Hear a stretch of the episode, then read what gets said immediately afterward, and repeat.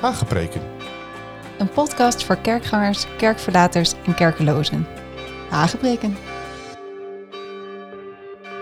In een onzekere wereld waarin veranderingen elkaar versneld opvolgen en ons samenkomen, zingen en beleven steeds vaker onder druk komt, is een bijbelse koers houden een must en een kompas.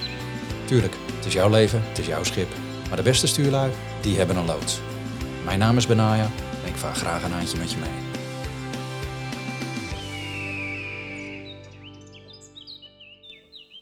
Hallo, leuk dat je weer luistert naar Haagpreken. Ik weet niet hoe het uh, weer bij jullie is, maar het is hier uh, dik 28 graden. Ik zit hier in een kleine studio met zo'n 25 graden.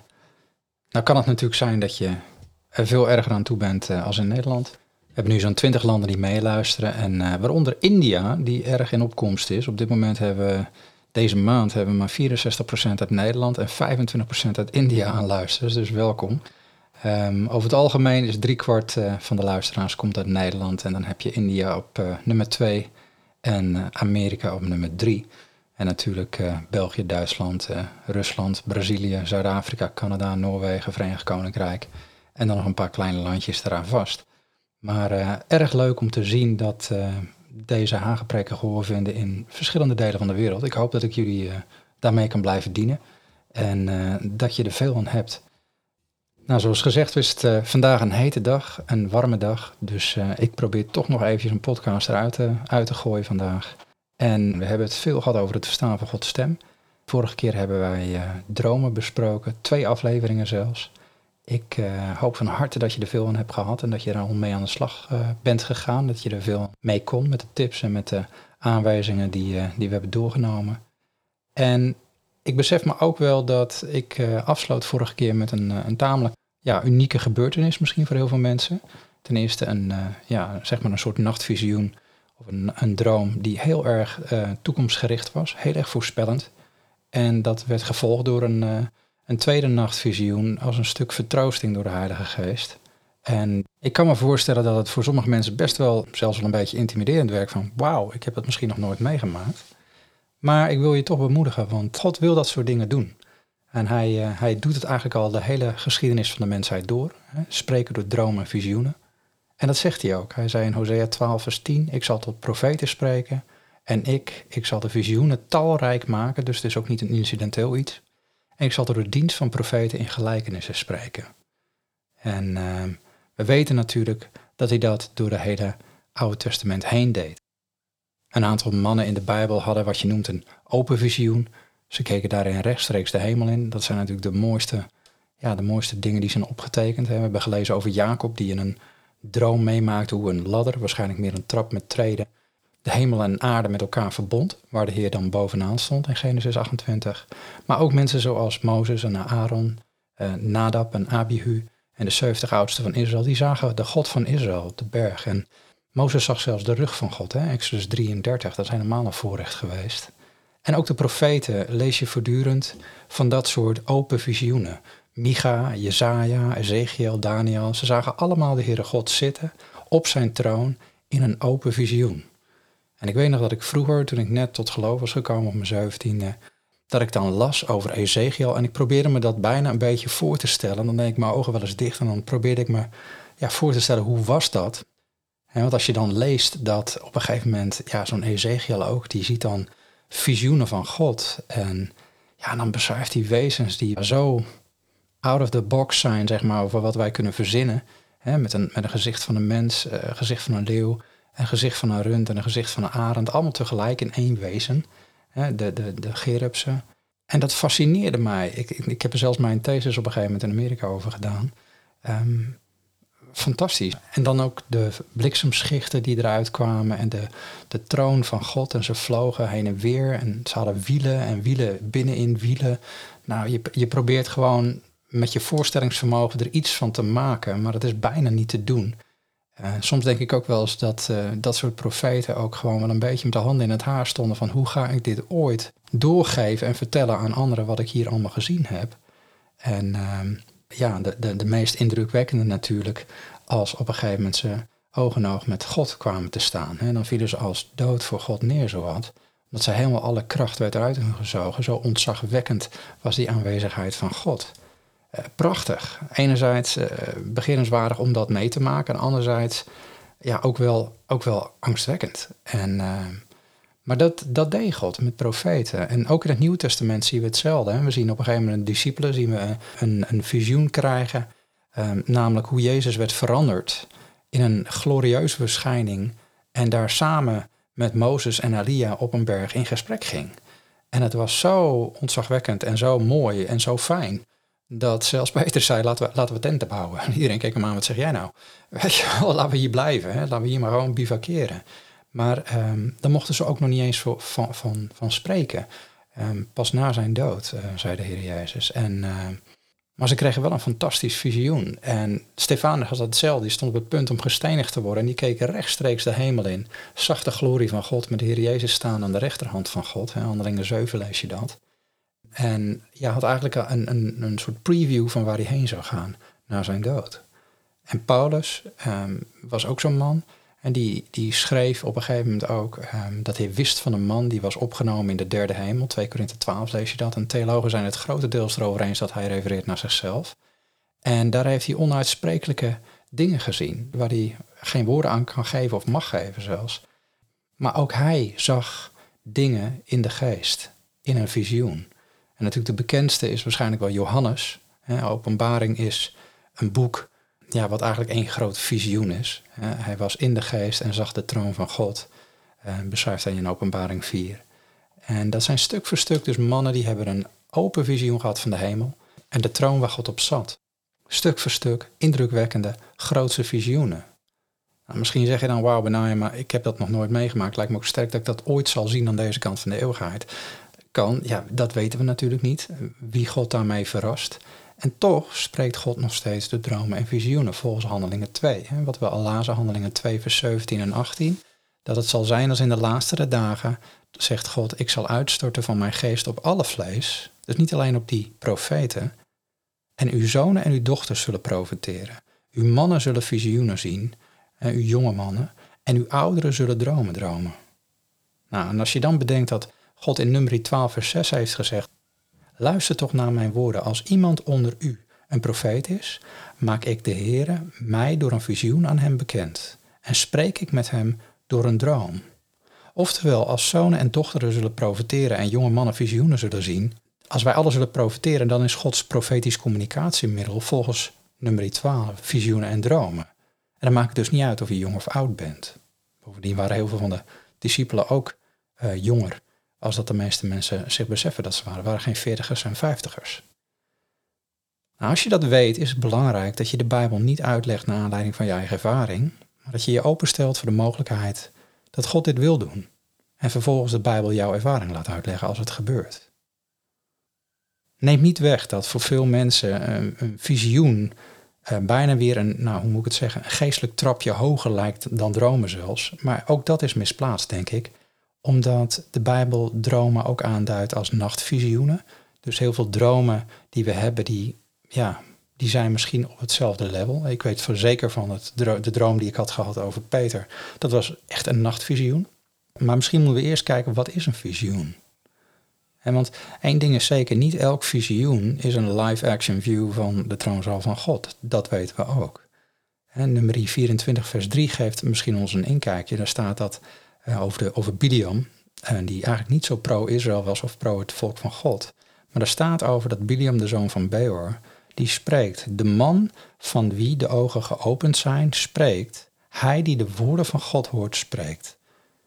Die het visioen van de Almachtige ziet, terwijl hij neervalt met ontsloten ogen.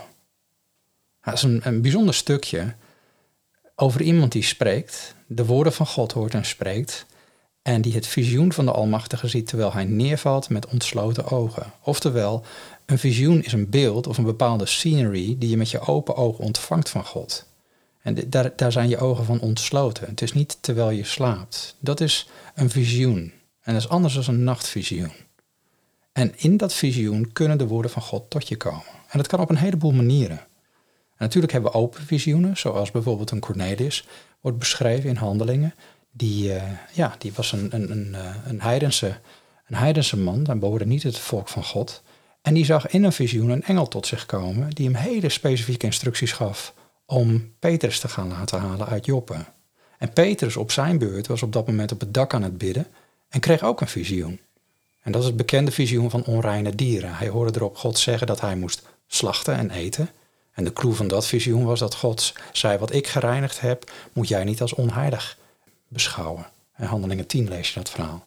En natuurlijk betekende dat dat hij uiteindelijk dan met de mannen van Cornelius mee moest gaan en het evangelie naar de heidenen moest brengen. Nou, dit lijkt ook nog steeds heel spectaculair. En anno nu, in real life, gebeurt dit nog steeds. Het staat alleen veel dichterbij dan veel mensen beseffen. Nou, vorige keer deelde ik dus dat nachtvisioen wat God mij gaf over mijn verongelukte vriend Peter. En dat was heftig en dat was boven natuurlijk heel indringend. Maar er zijn ook eenvoudigere visioenen. Sommige mensen noemen het gezichten.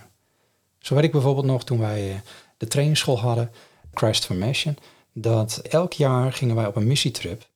En we wisten van tevoren nooit waarheen. Daar gingen we over bidden. En uh, onze missiecoördinator, Tanja, die, ja, die, uh, die leidde dat. En leidde dat proces ook. En dat deden we met de studenten. En dan gingen we eigenlijk met z'n allen bidden voor een land waar we niet wisten wat voor land. En dan hoopten we dat God ons bepaalde clues zou geven, bepaalde indrukken zou geven, of soms zelfs beelden zou geven van dat land, die elkaar zouden bevestigen. Nou, er zijn heel veel mensen die hebben een levendige voorstellingsvermogen, dus die, ja, die zagen al gauw weer palmbomen en uh, witte stranden misschien. Dat is misschien ook wel een beetje wishful thinking, van ik hoop dat we naar een mooie plek toe gaan. Maar ik weet nog dat wij op een gegeven moment als staf ook in gebed waren en we ontvingen allemaal verschillende woorden en verschillende indrukken van God. En ik weet nog dat ik bijvoorbeeld een woord ontving in gebed in Nui. En ik dacht, het is Frans. Dus ik dacht, het zal een soort Franstalig land misschien wel zijn. En later kwam Tanja met de indruk over Canada. Om daarheen te gaan naar de Eskimo's. Daar hebben we over gelezen. Blijft, blijkt dat dat de Inuit mensen zijn. En ik zei Inuit, maar het leek er wel op. Dus ik dacht, hé, hey, misschien is dat een connectie. Nou, gaandeweg werd dat duidelijker waar we precies moesten zijn en bleek dat niet Canada, maar bleek dat Groenland te zijn. En toen hebben we nog dat hele proces meegenomen met de studenten die we niks hebben verteld, om mee te gaan bidden. En ondertussen hadden wij als staf onze oren gespitst van, hé, hey, gaat God het ook bevestigen door de studenten, zodat we zeker weten waar we heen moeten gaan. En ik weet nog dat een van de studenten op een gegeven moment aan het bidden was en zei, Heer, Laat het land waar we heen gaan overspoeld worden met uw woord en laat dat worden tot een vruchtbaar en een groen land. En de andere pikte dat meteen op in gebed. Ja, laat het een groen land worden, Heer. Nou, dat was onze eerste clue. En toen was er nog een keer een clue dat iemand zei van, uh, ja, ik, ik weet het niet. Ik heb de indruk dat, uh, ja, ik zie zeg maar als het ware een team die in een helikopter over een stuk land vliegt. Niet wetende dat in Groenland het voornaamste vervoermiddel eigenlijk de helikopter is, omdat het zoveel ijs en sneeuw is dat je op heel weinig plekken kunt komen. Uh, tenzij je omvaart met de boot. Maar een vliegtuig die heeft daar geen landingsstrip. En als die een landingsstrip heeft, dan is die landingsstrip vaak onder de sneeuw. Dus gebruiken ze verder een helikopter. Nou, zo wat voorbeelden. Maar uiteindelijk hebben we dus besloten, we gaan naar Groenland. In dat gebed zag ik als in een flits een man uit een jeep stappen met een beetje rossig blonde baard, wat verwilderde kop, in een flits. Dat was zomaar een, ja, een fragment. En ik heb dat nog gedeeld met de staf. Ik heb dat verder niks mee gedaan. Ik denk, nou ja, ik parkeer het maar weer. Als het niks is, dan is het niks. Prima. We wisten op een gegeven moment toch, we moeten naar Groenland. En dan ontvouwt zich dat proces van studenten die gaan sparen voor een missietrip gaan allerlei acties doen om geld te vergaren. En dat ging nogal langzaam. En gaandeweg hadden wij contacten opgedaan in Groenland, in het oosten van Groenland. En we dachten, nou, dan moeten we in ieder geval tickets gaan kopen. Maar er was nog niet genoeg geld. Dus we kochten eerst een ticket richting IJsland. We dachten, dan hebben we in ieder geval de eerste ticket binnen. En dan kopen, kopen we zo meteen de volgende ticket naar Oost-Groenland. Maar tegen de tijd dat alle geld binnen was wat we nodig hadden voor de tickets, was er geen vlucht meer naar Oost-Groenland. Alleen nog maar naar West-Groenland. En daar hadden we helemaal geen contacten. Maar omdat we dus zo bevestigd waren in gebed dat we naar Groenland moesten, hebben we toch een ticket gekocht naar West-Groenland. Niet wetende hoe God die trip zou leiden. Dat is natuurlijk een enorme ja, stap in geloof. Maar we hadden dusdanig veel met God meegemaakt op al die missietrips dat we wisten, God heeft vast iets in petto. Maar ik vond het zelf ook best spannend. Op de avond dat wij vertrokken, zei mijn vrouw Mirjam, die zei, wacht eens even, ik ga even contact leggen met Siga. Siga was haar vriendin met wie zij op een theologische bijbelschool in Zweden had gezeten en die kwam uit IJsland. Dat ze in ieder geval weet dat jullie vliegen via IJsland. En dat was gewoon even een indruk die ze had. Wel een goddelijke indruk, dat wisten wij toen nog niet. Maar ze dacht, nou, gewoon even contact leggen. Zo zie je vaak dat wij, en zoals de Bijbel zo mooi zegt, in hem leven wij, bewegen wij en hebben wij ons wezen. Heel veel dingen die we doen, doen we zonder te weten dat dat echt wel geestgeleid is. En dus wij kwamen aan op de airport in IJsland en we dachten, nou, we, blijven hier gewoon overdag even op de airport. Hadden we in wel meer landen gedaan. En dan slapen we hier gewoon een beetje op de stoel. En de volgende dag pakken we ochtends vroeg gewoon het vliegtuig naar West-Groenland. Wat bleek? Ik werd verrast door het bericht dat de vader van haar vriendin op de airport zou zijn, voor de airport, en dat wij met hem mee konden gaan.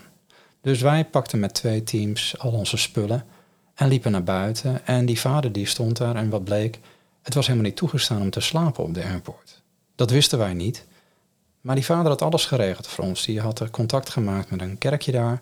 Daar hadden ze allemaal matten neergelegd waar we konden slapen. Ze hadden een maaltijd klaarstaan.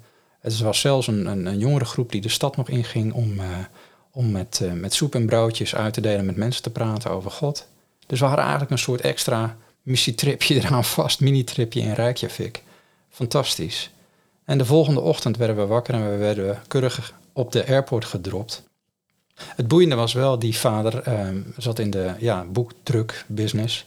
En die zei, ja, ik ben verder, kwam ik vroeger wel eens in Groenland. Ik kende verder niemand, ik ken wel een Hans. Moet ik even kijken, want ik heb zijn kaartje nog wel. Dus hij haalde het kaartje uit zijn portemonnee. Hij zegt, als je Hans nou ziet, dan moet je maar de groeten doen van mij.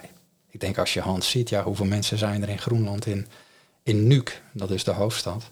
Nou, bleek achteraf niet zoveel, er zijn maar 4000 mensen. Maar goed, dat wist ik toen nog niet. Uh, ik nam het kaartje aan en dacht er verder niet over na en wij vertrokken. Eenmaal aangekomen in Nuuk bleek dat uh, het een hele dure stad was. We hadden een bepaald budget en het bleek dat wij eigenlijk maar twee dagen daar konden blijven in een hotelletje.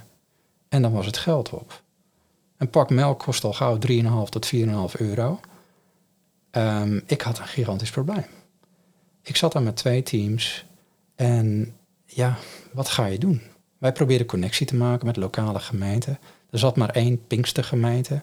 Nou, die heet ons hartelijk welkom, maar die had verder ook geen accommodatie of zo waar we zouden kunnen blijven.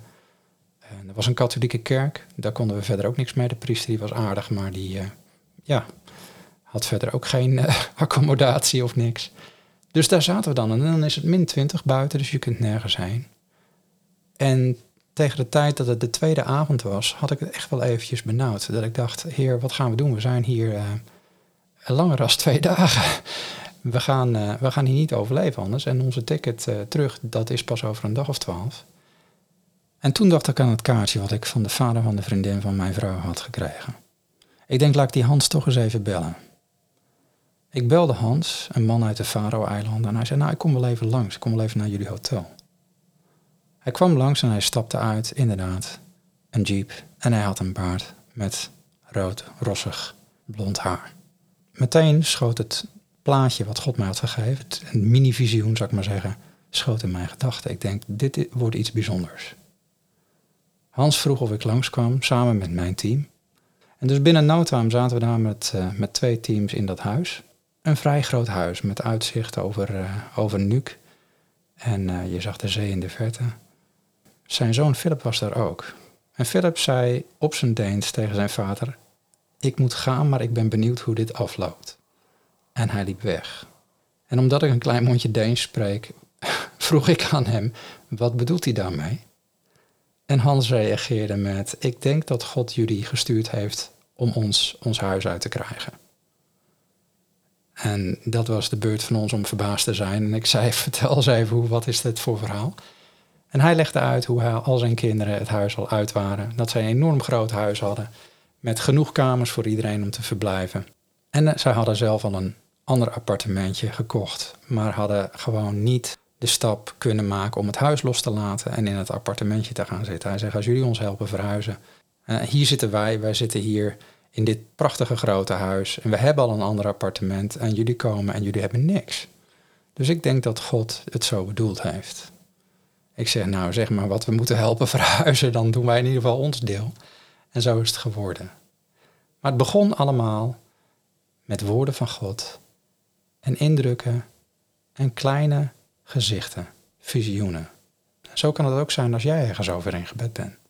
Dat zich een plaatje ontvouwt voor je ogen. Misschien niet zozeer letterlijk, maar wel heel wezenlijk en reëel. Een beeld wat spontaan in je opkomt, wat iets laat zien. En natuurlijk moet je daar wel mee uitkijken, want ik ben in heel wat kerken en gemeenten geweest waar men er een sport van leek te maken om allerlei beelden te krijgen. Waar ik uh, geen enkele terugkoppeling of toetsing kon bespeuren. En dan werd er enkel gezegd, ik zie een tafel, of ik zie een lamp, of de Heer toont mij een stoel. Ik bedoel, de hele huisraad kwam voorbij, maar het ontbrak dan aan terugkoppeling of toetsing.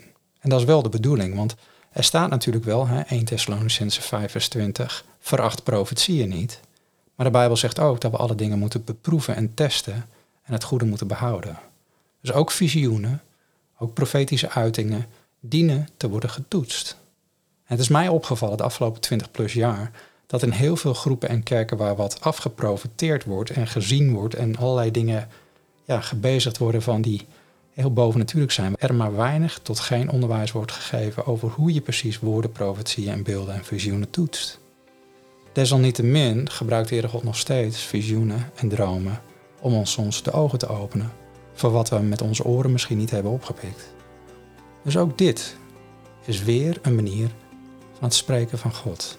God kan je een plaatje laten zien, God kan je een beeld laten zien, God kan je een visioen laten zien of een nachtvisioen laten zien om je dingen duidelijk te maken of je bij dingen te betrekken. En ik weet, sommige mensen zijn daar meer gevoelig voor dan andere mensen. Het is ook niet een must, maar het is wel een mogelijkheid. En hoe meer je open staat om zijn stem te verstaan, hoe meer je ook rekening kan houden met dit soort unieke manieren van spreken van God. Want laten we wel wezen, een plaatje zegt meer dan duizend woorden. Goed, dus ook hier daag ik je uit. Vraag de Heere God, Heer, spreek tot mij. Spreek tot mij ook in beelden en visioenen. Leer mij hoe dit werkt. Leer mij hoe ik dingen zie in de geest, in de geestelijke wereld, die u mij wilt laten zien. En behoed mij voor valse beelden, voor indrukken die niet van u zijn. Leer mij waar mijn fantasie op de loop gaat en waar uw beelden authentiek zijn. En dan gaat hij erbij helpen, want hij is de helper, de parakleet, degene die langs zij komt, de Heilige Geest, die ons gaat helpen. En daar mogen we op vertrouwen. Nou, opnieuw denk ik genoeg om weer mee aan de slag te gaan. Blijven luisteren. Blijven koers houden. En de volgende keer navigeren we verder.